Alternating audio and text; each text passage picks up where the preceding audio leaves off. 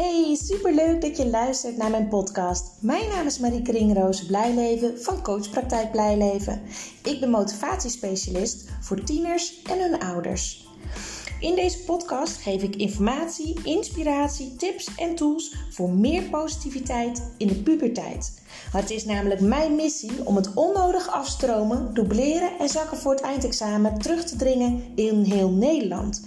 Ik weet inmiddels uit ervaring dat als het contact tussen ouder en tiener positief is, dat dat direct effect heeft op het welbevinden en de schoolresultaten van een tiener. Een motivatieprobleem is namelijk een gevolg, geen oorzaak. Enjoy!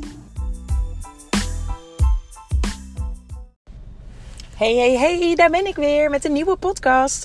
Hij heeft weer even iets langer op zich laten wachten. Het is inmiddels vrijdag om tien voor half zes. En uh, ik ben nu op weg van uh, mijn praktijk weer naar huis. Mijn laatste coachingsgesprek net gehad. Een afsluitend uh, gesprek van een traject. Afrondingsgesprek. En uh, het is een mooi gesprek. Ik vind het zo fantastisch om de vooruitgang van de gezinnen en de tieners te zien. Hè? Ik, ik, maak aan het eind van elk uh, gesprek wat ik heb, elke sessie, maak ik altijd een, uh, een, verslag. En die pak ik er allemaal weer bij als ik een traject ga afronden. En dan gaan we samen terugkijken. Waar ben je eigenlijk vandaan gekomen? Wat was de situatie toen je bij mij werd aangemeld? En wat is de situatie nu? En dan gaan we samen ook de tekeningen bekijken die we met elkaar hebben gemaakt. Wat hun ook bewust maakt van hun ontwikkeling en hun uh, ja, vooruitgang. En dat is zo tof om die reacties ook vaak uh, te zien.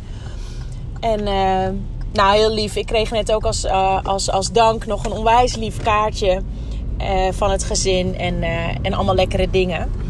Dus ik zit helemaal weer met een positieve boost. Zit ik in de auto naar huis. En ik dacht, weet je, ik heb weer mooie inzichten om een podcast op te nemen. En deze keer een iets luchtige, uh, ja, luchtiger onderwerp, zeg maar. Die ik, ja, waarvan ik merk dat ik eerst altijd dacht van, oh, dat is alleen maar mijn zoon die dat doet.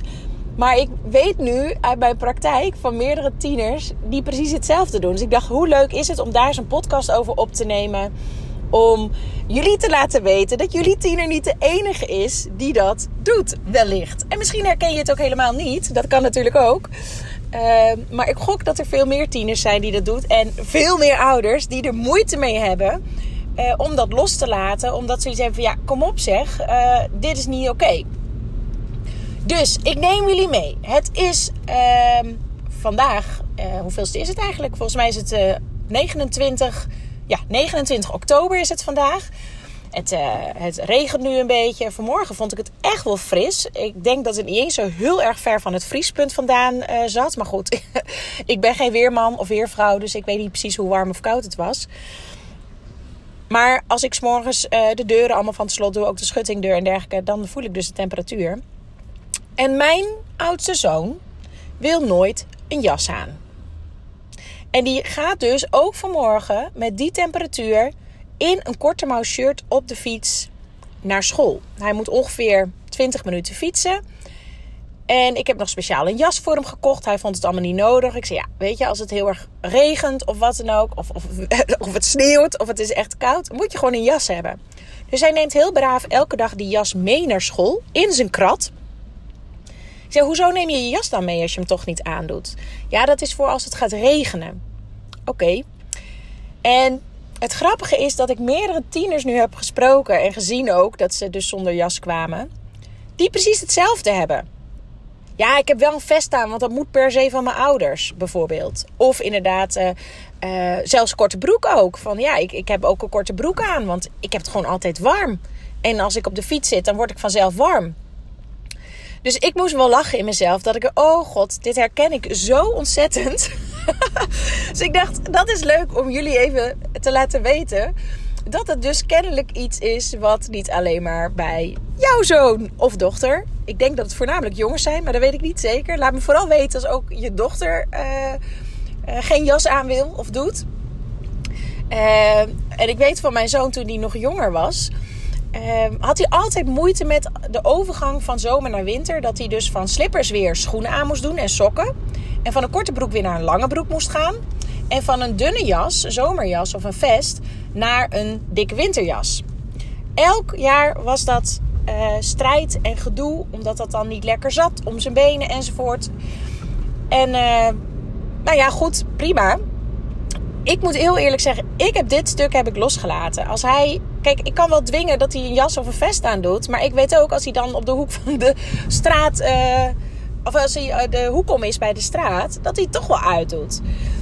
Uh, tuurlijk zeg ik er wat van.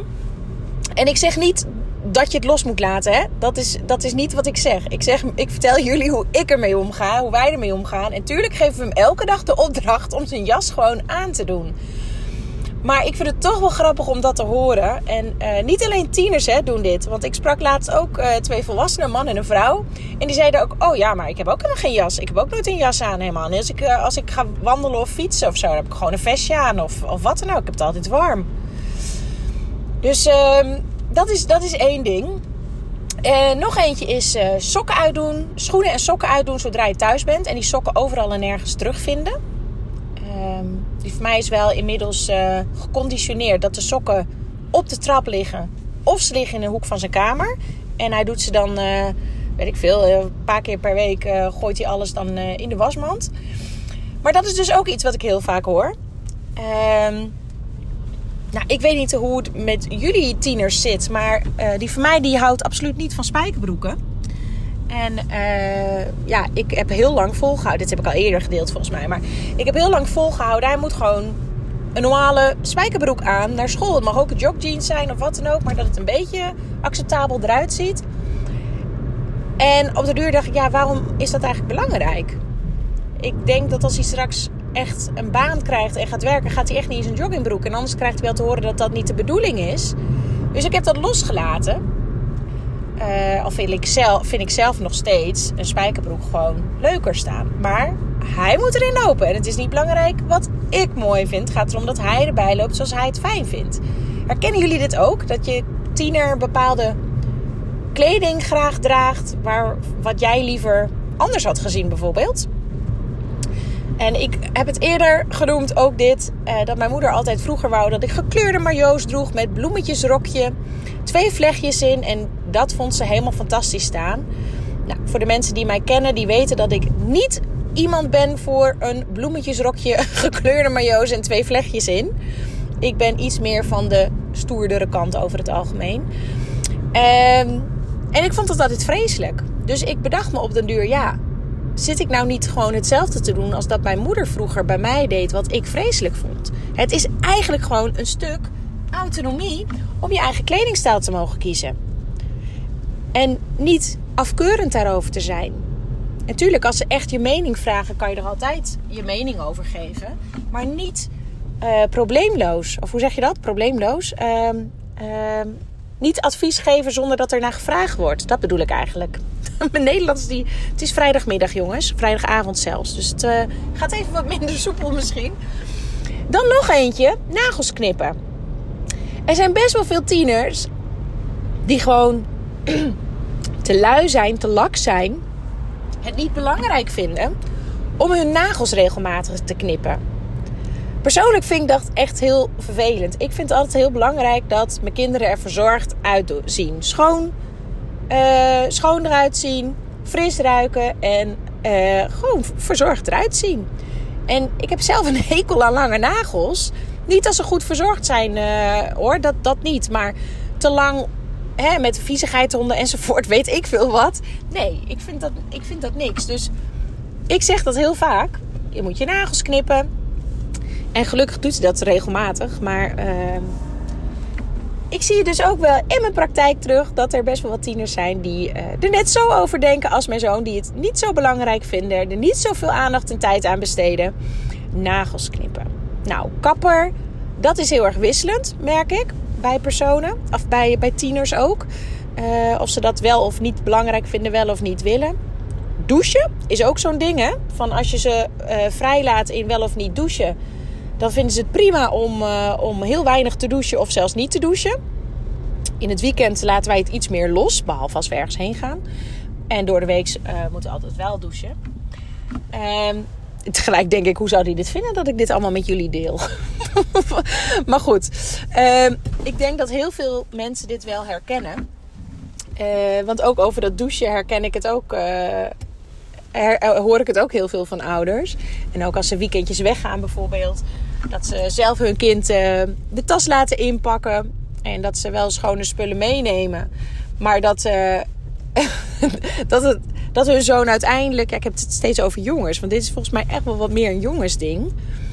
Ehm, maar dat, dat ze, als je het dus helemaal loslaat dat de jongens gerust gewoon van uh, vrijdag tot met zondag in hetzelfde shirt, hetzelfde broek lopen. Nou ja, over de onderbroek heb ik het maar niet. dat wil ik niet eens weten. Maar uh, ja, dus dat. Dus ik dacht, weet je, even een luchtige, korte podcast tussendoor. Misschien moet je heel hard lachen en denk je: Oh my god, ik ben dus niet de enige die een kind thuis heeft die hier dit allemaal doet. Dit is dus iets wat heel veel tieners doen. En uh, nou ja, niet dat je het allemaal hoeft toe te staan kies vooral je eigen weg erin. Maar ik vind het gewoon leuk om jullie mee te nemen in, in ja, dat wat mij opvalt, dat dus bij veel meer gezinnen speelt.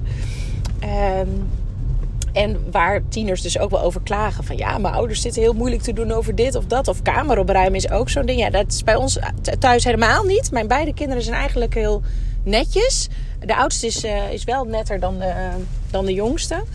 Uh, maar die kamer is eigenlijk altijd heel netjes en opgeruimd. Dus daar heb ik hebben wij thuis geen last van. Maar ik weet wel uit mijn praktijk dat er heel veel ouders zijn die moeite hebben met de enorme bende in de kamer en struikelen over kleding. Dat is trouwens wel ook wel weer vaak bij de meiden zo.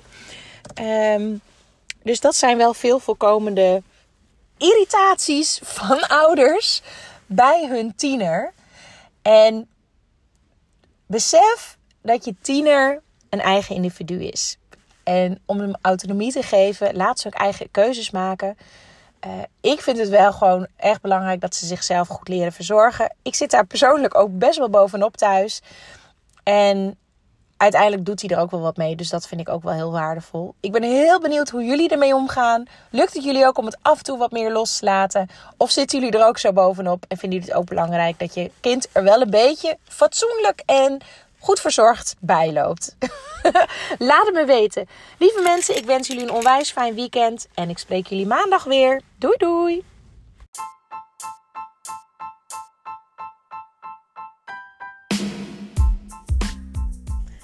Dit was weer de aflevering van deze podcast. Ik hoop dat je het leuk hebt gevonden, dat je er veel informatie, tips en inspiratie uit hebt kunnen halen. Ik ben ontzettend benieuwd wat jij van deze podcast vond en wat je eruit hebt gehaald. Want ik neem ze op, maar ik wil heel graag weten hoe het is voor jou als luisteraar om dit allemaal te horen. Wil je mij dat laten weten via een persoonlijk berichtje? Dan vind ik dat hartstikke leuk. Wil je andere ouders motiveren, stimuleren? en inspireren met podcast, deel het dan op social media. En wil je mij contacten? Dat kan via www.coachpraktijkblijleven.nl. En wie weet spreken we elkaar snel. Fijne dag!